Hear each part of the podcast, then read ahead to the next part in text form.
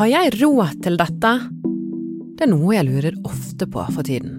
Prisveksten fortsetter mot nye høyder. De siste tolv månedene har prisene steget med hele 7,5% Dette er den kraftigste prisveksten i Norge siden 80-tallet, og det er særlig matvarer som blir dyrere. I denne episoden skal du få høre flere historier fra vanlige folk der ute. Om hva som skjedde da de satte seg ned for å finne ut hvordan de kunne spare. Som for eksempel 28 år gamle Hanne. Hun satte seg foran dataen i et kvarter og det førte til at hun sparte 1500 kroner i måneden. Det gikk veldig raskt. Det var, eh, tok sikkert ikke mer enn 15 minutter. Og så gikk resten av seg selv. Du hører på Hva skjedde? Og mitt navn er Anna Magnus. Krisepriser på strøm, rask stigende lånerente og høye matvarepriser, det er våre utsikter denne høsten. Tall fra SSB viser at prisene i Norge er 7,5% høyere enn bare for ett år siden. Men nå skal jeg ringe en alenemor i Bergen som har funnet ut hvordan hun kan tjene 6500 kroner ekstra i måneden. Hei, det er Tineke. Hei, Tineke. Anna fra Bergens Tidende som ringer. Hei. Hei. Du, før vi jeg har, vet at du har gjort noen veldig lure ting for å spare penger, men først så bare lurer jeg på eh, hvem er du? Ja, eh, mitt navn er Tineke Torsvik. Jeg jobber som eh, seniorrådgiver hos Fjordkraft. Eh, og jeg har vært der i ja, ti år. Ja. ja. Og så er du alenemor? Ja, det stemmer. Jeg har en eh, datter på seks og et halvt år. Tine, jeg bare lurer på, nå er jo det en eh, presset økonomisk situasjon, det aller meste har blitt dyrere. Hva er det du har gjort for å ha mer å rutte med? Ja, det er en eh, leilighet på 90 kvadrat. Eh, stuen var veldig stor, så den delte jeg opp i to. Og har da leid ut det ene rommet. Det var i utgangspunktet ment som et kontor da vi hadde hjemmekontor under covid. Eh, men så tenkte jeg hvorfor ikke bare leie det ut. så det, da la jeg ut eh, annonsen på sånn korttidsleie. Da. Så har jeg hatt nå eh, fire studenter som har leid hos meg. Ja, Så du har bare gode erfaringer med det? Ja, jeg vil si, si det. Nå har jeg valgt korttidsleie, da, så man Ja, det har gått veldig fint. det kostet ikke litt å, å, å lage det ekstrarommet? Jo, eh, det kostet rundt 10 000 å sette opp den eh, veggen. Men det gjorde jeg uavhengig av å leie ut dette rommet, da. Tenker du at dette er noe andre folk kan eh, prøve seg på? Ja, jeg har fått allerede to bekjente til å gjøre det samme. Noen har jo allerede et ekstra rom og leier det ut i perioder, eller når man skal på ferie, kan leie ut leiligheten. Mm. Siden du har gjort dette for å få bedre økonomi, har du råd til å kose deg? Ja, men jeg koser meg kanskje på andre måter enn andre gjør. jeg koser meg gjerne med å pusse opp et rom eller noe som gir verdi. Da. Og så har jeg vært sånn Jeg vært på en sydentur nå i høst. Og da fant jeg en kjempebillig tur fremfor å reise midt i fellesferien.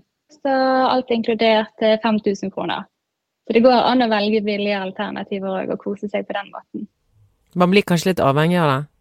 Ja, ja jeg, jeg, har gjort litt sport i det. da. Jeg syns det er gøy. Men jeg, jeg har vært vant til å ha lite, men jeg har lyst til å gjøre mest mulig av det lille jeg har. da. Du, Tinekke, tusen takk for mange gode råd. Jo, det var noe så lite. tusen takk for at jeg fikk bli med. Etter at Tineke startet med utleie, har hun fått 650 000 kroner mer i verdivurdering enn da hun kjøpte leiligheten for to år siden. Samtidig Nordmenn er tungt belastet med gjeld. Men prisen på gjelden er ikke hugget i stein. Det er stor forskjell på hvor mye bankene tar seg betalt for å låne ut penger til deg. Det har Hanne Steinstø erfart. Du, Kan ikke du fortelle meg litt eh, hvem du er? Jeg er Hanne, 28 år, jobber som elektriker. Ringer vi deg midt i arbeidstiden nå, eller? Det er det. Jeg skal ikke, skal ikke bruke lang tid av det, men vi, vi, trenger litt hjelp fra deg, Hanna. Hva er det du har gjort for å få eh, bedre kontroll på økonomien nå? Nei, jeg eh, satt med det med PC-en, eh, og så at eh, nå stiger renten og nedbetalingen på lånet blir dyrere. Så da eh, gikk jeg inn på Finansportalen og sjekket om det, hvor det er billigst lån som vi kan få uten masse betingelser at du må bruke den banken som fulltidsbank og eh, grønne lån og den type ting. Trykke et søk lån, og vips, så 15 minutter, så var det gjort. Hallane. Hvor mye sparer du i måneden på det? Det sparer vi 1500 kroner i måneden på. Jøss. Yes. Og dette kan egentlig de fleste av oss som har lån, gjøre? Ja, det vil jeg si. Ja. Nei, men du Hanne, tusen takk for et kanontips. Jo, nei, ingen problem. Så må du ha en god dag videre. Du òg. Fint. Ha det godt. Ha det. I tillegg til at renten har steget, har også matprisen økt langt mer enn det vi er vant til. Thea Økland er pensjonist med to barn og fire barnebarn, og i sommer så skrev hun et debattinnlegg i BT som ble lest av mange tusen. Hun hadde nemlig en veldig enkel, men fin metode for å spare penger på mat. Hallo. Hei, Thea. Anna fra Bergens Tidende. Hei, hei. Hei. Hvordan går det? Jo, jeg sitter her ute på hytta mi i Austevoll, og her regner det veldig, men det gjør det vel i byen òg. Ja, det regner fryktelig Ja. her også. Ja. I sommer så skrev du et debattinnlegg i forbindelse med at alt har blitt så innmari dyrt i matbutikken. Hva er det du har gjort som funker? For det første så har jeg vært mer eh, ivrig å gå i den billigdisken i butikken, eh, som jeg aldri har gjort tidligere. Og så har jeg tenkt at eh, nå bor jeg alene, og da tenkte jeg at jeg kan ikke ha så mye pålegg, for jeg klarer jo ikke å spise det opp. Jeg tok meg i at eh, pålegg som jeg hadde ble for gammelt, og jeg måtte kaste. Og det sitter langt inne hos meg å kaste mat. Mm. Nå har jeg hund, da, men jeg kan ikke gi forderva mat til hund heller. Så jeg måtte begynne å tenke at eh, kanskje jeg skal gå ned i eh, antall pålegg for uken, og ha, begynne å skille tilbake igjen til hverdag og helg. Og det er penger å spare å ha mindre mat i kjøleskapet. Fordi at vi har egentlig opp igjennom de siste ti årene hatt eh, overflod i kjøleskapet. Ja.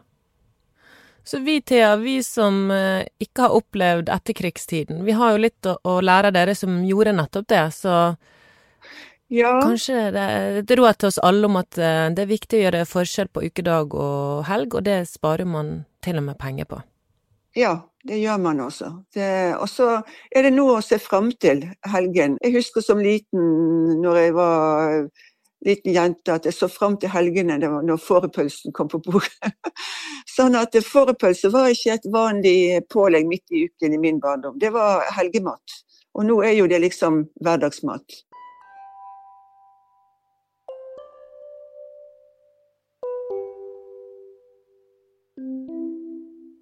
Det er noe å tenke over. Hva liker jeg best? Og så er det, kan man plukke ut et pålegg man syns om. Men man trenger ikke ha fem forskjellige pålegg. Nei. Og så er det noe kjekt å se fram til, så man kan gjøre glede ut av dette. Her trenger ikke være noe sorg.